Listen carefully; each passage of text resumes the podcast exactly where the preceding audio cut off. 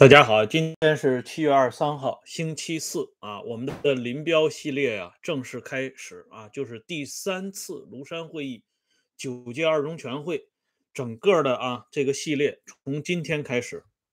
今天的节目上边呢，这个小铃铛上边有推送啊，手机观看的朋友们应该能够了解到。另外，每天我固定在社区和推特上啊都要发一个通知。电报群里就更不必说了。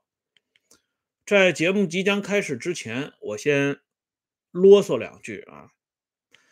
要讲林彪这个系列啊，说实话，我心里很清楚，因为林彪这个人物历来都是有争议的啊。一方面呢，就是沿袭官方的说法，对林彪这个人呢评价很低；另外一方面呢，就是民间一直以来啊涌动着很大的一块激情。对林彪这个人物呢，寄予了相当程度的同情和关注，啊，所以林彪这个人本身啊，要想把他说的比较客观，比较符合那个年代的历史背景，相当不容易，特别是涉及到他与毛泽东在晚年时间的这段争斗啊，更是人啊众说纷纭。所以，如果啊，我要是想。单纯的啊，就是说把这个节目点赞呢，或者是观看次数啊、观看时长，嗯，甚至是打赏，把它搞上去，纯粹意义的为了这个谋取个人的私利，我完全可以迎合某些人的胃口和观点啊，或者是呢，把林彪这个人的面目呢说的模糊一点，所谓两头取好啊，这个。模棱两可啊，这样的话呢，我相信这个系列呢要比今天某种意义上讲更受欢迎。可是对不起啊，我不能这么做啊，因为呢，我这个节目我一以前就一直在强调，私人的历史小节目，一个历史票友不能做口是心非的事情。我心里怎么想的？我对林彪在搜集整理资料过程当中，我对他的看法就是今天我张嘴跟大家说出来的东西，口要硬心啊，口不硬心那叫口是心非。如果口是心非的话，我跟大家还有什么可聊的呢？对吧？所以我很感谢这些啊一直以来对温相说党史比较关注，也比较宽容。比较理解、比较支持的朋友，昨天的节目啊啊提到一个大型的电视系列片《世纪行》，其实啊这个名字跟我们这个林彪系列呢也有点搭界，因为整个的九幺三事件已经过去半个世纪了。大家看一下这部大型系列片《世纪行》，它的编导阵营。啊，或者叫编导阵容非常强大，总顾问就是邓丽群啊，剩下的大家看一眼啊。而且呢，他是分了四个篇章啊，这个很明显嘛，因为四个坚持嘛，所以要分四个篇章。这四个篇章是智慧篇、意志篇、团结篇、道路篇啊，一看就是那种浓浓的马克思主义的气味。而这部片子，我昨天提到啊，这个曲子主题曲很有名，是由刘欢来歌唱的啊。昨天讲完以后，有的朋友啊，这个还专门给我提了醒，说这老马的故乡是在德国，他的陵寝呢是在英国啊。这个提醒很好，就让我们更清楚了。德国呢是相当于老马的赫图阿拉，而伦敦呢才是老马的圣经啊。这个眼下咱们中国最流行的不是入关学嘛？啊，就是仿公元一六四四年清军入关的这套说法。那么我们用赫图阿拉和圣经来相比拟，显得更搭一些啊。我们再回到刚才说的这首歌啊，大家看清楚了，这首歌呢不仅是由刘欢。来唱的也是刘欢做的曲子啊，其实这首歌还挺好听的啊。这个内容呢，有些朋友可能会反感。啊，说实话，这首歌我也会唱啊，但是我就不能在这里给大家表演了。好了，今天呢，我们先来看一张风光的图片。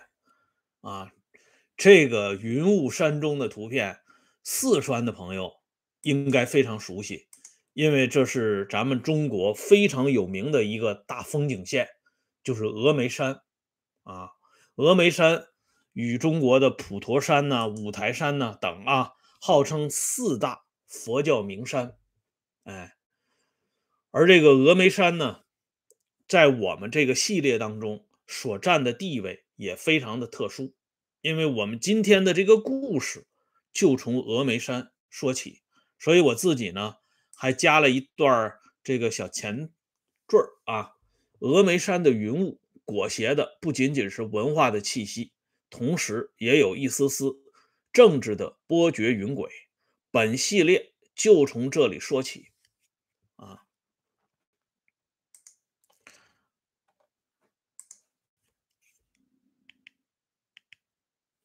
大家看一下啊，这个林间小道，这是峨眉山路的一个林间小道，非常普通啊。底下呢，我打了一段话，可能由于光线的原因啊，大家看的不是特别清楚，没有问题，我给大家念一下：公元一九六六年三月，一个不屈的身影出现在峨眉山的山间小道上。啊，这个时间段啊，很很值得大家琢磨啊。公元一九六六年三月，这是什么时候？这已经是蓄势待发的时候。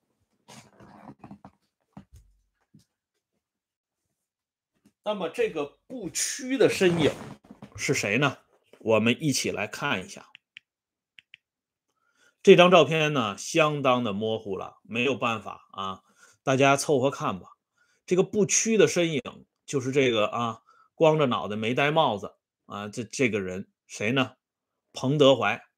咱们的彭大将军，彭总啊，他一九六六年三月怎么会出现在峨眉山的山间小道上呢？这个话呢，说来话长啊。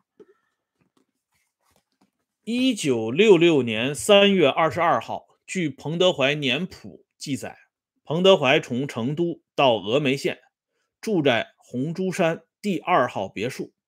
这里呢，一共有四所这样的房子，啊，是一九六零年建成的。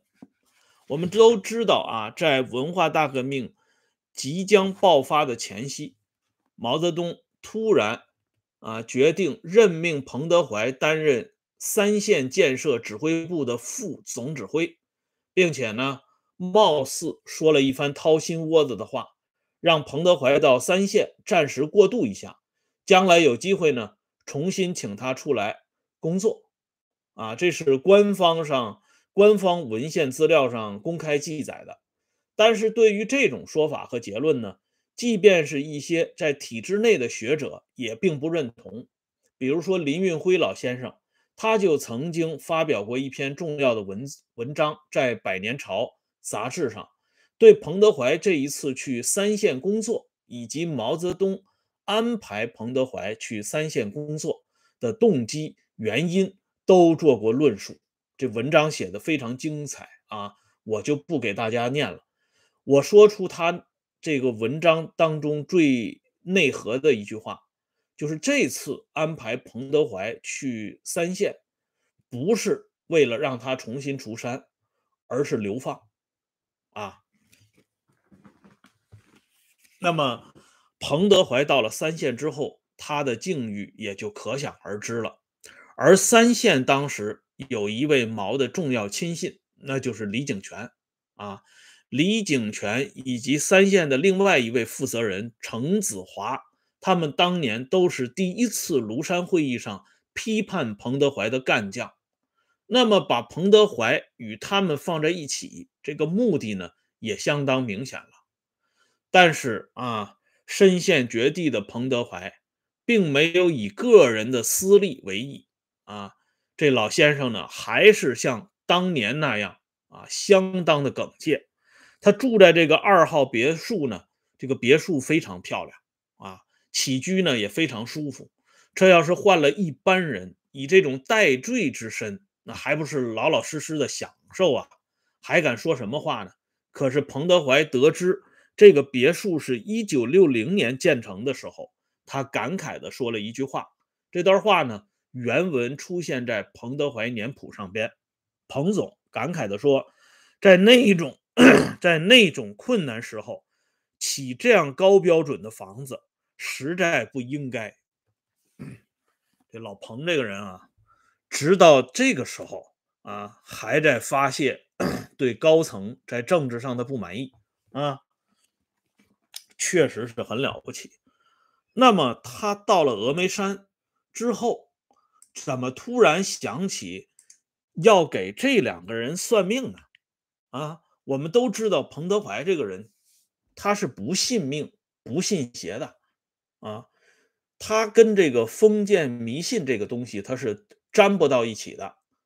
你要说这哥俩啊，图片上的这哥俩忌讳特别多，想法特别多，说法也特别多，这个我相信大家都能相信啊，都应该知道。尤其毛泽东啊，各种各样的说法层层出不穷啊。但是彭德怀啊，却真的在峨眉山上。给这哥俩呢算了一命，啊，这个是有专门的公开记载和回忆的啊，不是我们自己瞎编的啊。我们来看一下彭总是怎么给这哥俩算命的。这是彭德怀说的原话啊。彭德怀说这番话的时间地点是什么呢？就是一九六八年三月啊，一九六八年五月份，一九六八年五月份有两啊重要的日子，一个呢是五月十六号啊，纪念一九六六年五一六通知，还有一个呢是五月二十号，为了纪念林彪发表五二零声明一周年纪念日。所以，这一九六八年五月二十号，被一个小人物记得非常清楚。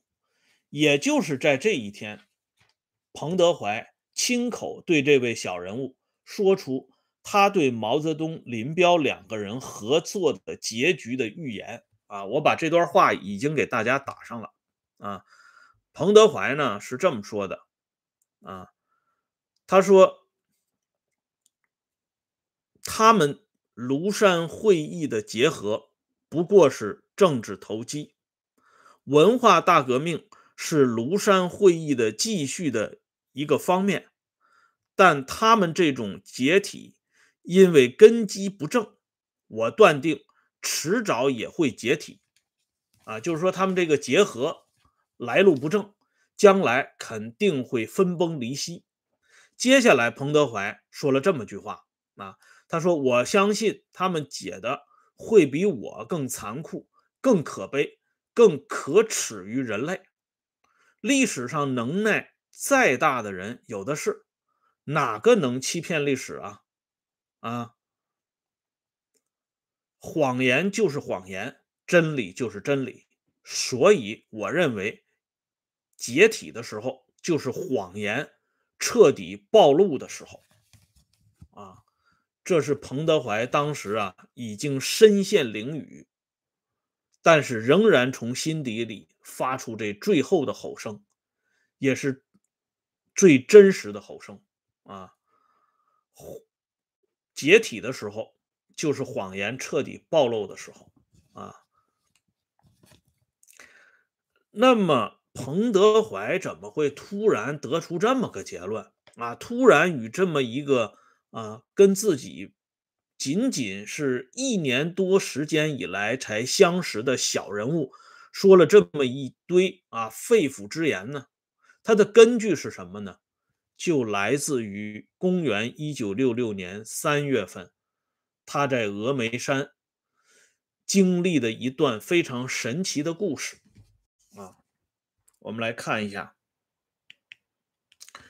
当时啊，彭德怀在峨眉山碰到了一个老道，啊，他跟这个老道呢聊的还挺高兴的啊。彭德怀呢也是啊，这个当时呢也是出于好奇啊，他同这个老道聊了半天之后，临走的时候，他问这个老道说：“大住持啊，都说你前知五百年，后知五百载，你能不能断一断？”咱们这个国家的前途，这个老道呢，就谦虚的表了态，说啊，这都是过誉了啊，不可信。人老了，经历的事情多了啊，看事情呢，或许更接近一点真迹。说着呢，老道自己呢，就吟出两句诗：“试看山下云深处，似有人间路不平。”这首诗啊，啊。念的很有意思，也很应景啊。这时候呢，彭德怀就希望老道呢给解释一下啊，请这个仙风道骨的老人家呢给说说的通俗一点。于是呢，老道就说出了八个字，我给大家已经打上了啊，在这个幻灯片上大家能看到这八个字：节之不节。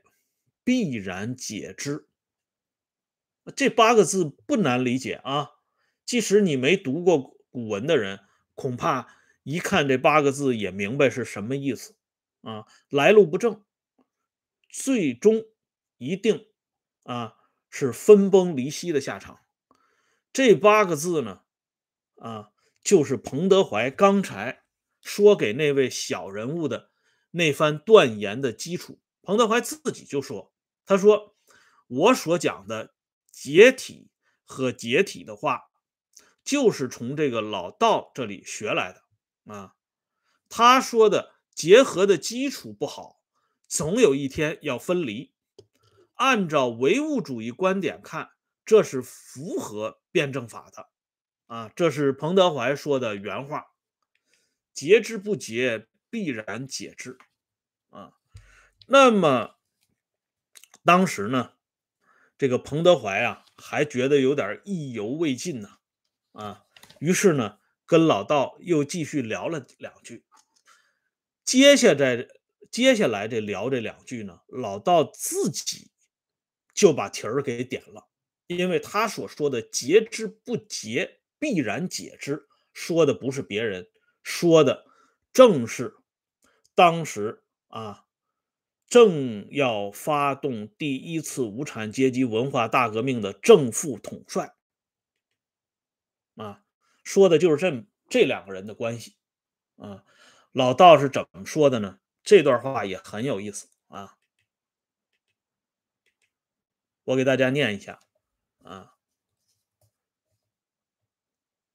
林既不生毛，毛焉附于林？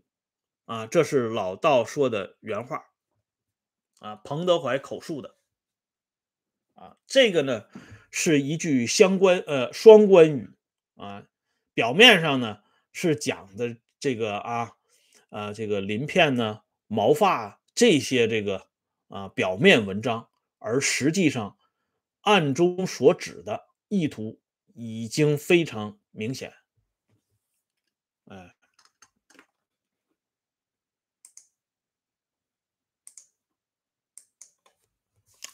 大家看一下，这老道呢，在一九六六年三月份就能说出这么一番话，这是一个很有意思的事情啊。那么这么一段对话啊，又精彩又玄妙，很多朋友肯定会在想，或者说在问，这到底是从哪儿出来的呢？我把出处给大家发一下。这是公开出版物啊，名字呢已经写上了啊，由人民中国出版社出版啊，作者呢叫刘洋，这个版次呢是一九九二年十月第一版。这本小册子呢写的很有意思啊，大家呢放心啊，这个小册子播出以后啊啊，会不会导致像上一次《太平天国通史》那样啊？这个有的人呢哄抬这个书价，有的朋友想买呢又高不可及。不会的啊，这本书呢，我听这个群群友啊，我电报群的群友说过，这本书在网上有电子版啊，大家想看的话呢，可以上网这个下载这个电子版。没有必要专门去买这实体书啊，而且这本书的关键的要点，我已经刚才通过幻灯片给大家播出了啊。这本书这本书最值得看的部位，咱们已经把它挑出来了啊，所以呢，大家就不用担心这本书价格的浮沉了啊，这跟我们就没有必要了啊。所谓抽筋剥皮，我们把最关键的东西已经拿出来了。那么这本书呢，为什么会出现这么一段情节呢？啊，因为这个作作者刘洋他不是一般人，他是当时北京卫戍区专门负责看押彭德怀、陆定一、乌兰夫等一大批彭真等一大批高级领导人的这个管理人员。他是所在的这个看管的连的连政治指导员，他有大量的时间和机会接触这些无产阶级革命家，他与这个彭德怀、荣高堂这几个人关系处的最好。这本书的书名呢，就是后来荣高堂专门为他题写的啊。荣高堂拉着他的手说：“我们算是患难之交啊。”哎，所以这本书是来自于啊，应该算是第一手资料啊，因此呢，我就把它引用到这里。而从这个刘洋转述的彭德怀的这番话，我们也可以看到，至少在一九六六年三月份，党内就已经有人看出毛泽东与林彪两个人合谋，以及合谋之后的结局。啊，就像那位仙风道骨的道长说的那样，不是什么啊能掐会算，无非是人老了，看的事情多了，经历的事情多了，所以呢，看待问题的时候能够近乎于真迹，就这么简单啊。天底下并不会真有那种前知五百年，后知五百载的神奇的人物啊。凭借的都是常识。那么接下来呢，我们再来看咱们的彭总说的这番预言，实际上已经被历史证实了。而从中呢，我们在啊关注和观看核定本的时候，会发现非常有意思的一件事情，那就是啊围绕着毛泽东的成功。和他的所谓的巨大的成就，所谓众人拾柴火焰高啊，众星捧月。那么围绕着毛的这个啊这个人的成就，他身边聚拢了几个关键性的人物，而这几个关键性的人物的结局，哎，颇有值得我们琢磨的地方。换句话说，用之前。我跟大家说过的啊，林峰讲过的那那段话啊，他跟他的孩子说过的那段话，他说啊，因为林彪离主席近了，越近他暴露的越快。实际上不光是林彪这样，其他人也存在这样的现象啊。谁对伟大领袖帮助越大，谁的结局呢，似乎也就非常。的惨啊，或者是越来越惨啊！我们看一下第一组人物彭德怀啊，这是今天我们这节目的主角彭总。彭总这个人对毛泽东的帮助有多大？这个翻一翻历史就知道了啊。彭德怀在军中的威望可以说非常之高啊，所以。包括林彪、贺龙、陈毅这些人在军委扩大会议上都要说，我们要紧密的团结在彭总的周围，这是在彭德怀倒台之前公开讲的话啊，这里边也有林彪，啊，当年正在井冈山斗争啊，如虎这个陷入非常困难之际，正是彭德怀率部平江起义啊，参加进来之后，才得以让井冈山这面大旗继续飘扬下去，否则。之前林彪为什么会发问红旗到底能打多久？啊，林彪不是随随便便问这句话的，这是第一次啊。彭德怀救了毛泽东的驾，后来井冈山守不住了，要留人马啊殿后，彭德怀主动请缨，把这个硬骨头呢接了下来啊。彭德怀自己平江起义的旧部因此损失极大。但是彭德怀毫不在意。红军长征到达哈达铺，彭德怀自检羽翼，把红三军团的番号撤销，啊，把红三军团的旧部一律并入大队伍当中，啊，这是一种什么样的胸怀啊？领兵打仗的人都知道，尤其在那种战火纷飞的年代，有枪便是草头王。有枪就有权，有权就有一切啊！枪杆子里边出政权嘛。但是彭德怀把自己的啊山头拱手相让，就说这个人啊，确实像陶素陶铸说的那样，心底无私，天地宽啊。那么后来呢，我们也看到了，抗美援朝的时候，两员大将，一个林彪，一个粟裕。解放战争当中最能打的就是这两个人，战功最为卓著的也是这两个人。可是呢，这两个人都推迟推迟，啊啊，不愿意这个担任主帅。当然，这个理由呢，啊，也都啊各有各自的理由。况且呢，朝鲜战争打与不打，到今天这个争议还特别的大。但也是彭德怀啊，把这个任务给扛下来了。就更不要说毛泽东呢，在狼奔使突之际，也是彭德怀带领一支啊队伍呢，保卫毛泽东，转战陕北啊，保证了中央的安全。结果彭德怀的结局呢，大家看一下，庐山人民剧院啊，这个地方就是彭德怀啊最终的结局。哎，那么接下来还有其他几个人物啊，我们还要继续给大家介绍。哎，刚才有的朋友说这个今天这个节目稍稍有点卡，我不知道其他的朋友有没有这种感受啊？啊，不管卡与不卡，咱们这时间差不多了啊。今天呢，我们就先说到这里，后边还有三个重点人物啊，明天接着聊。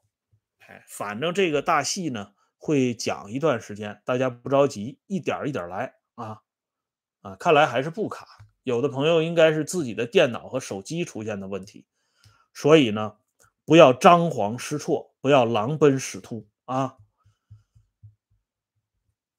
你看，普遍都反应不卡，人民的眼睛自然是雪亮的啊！好了，今天呢就说到这里。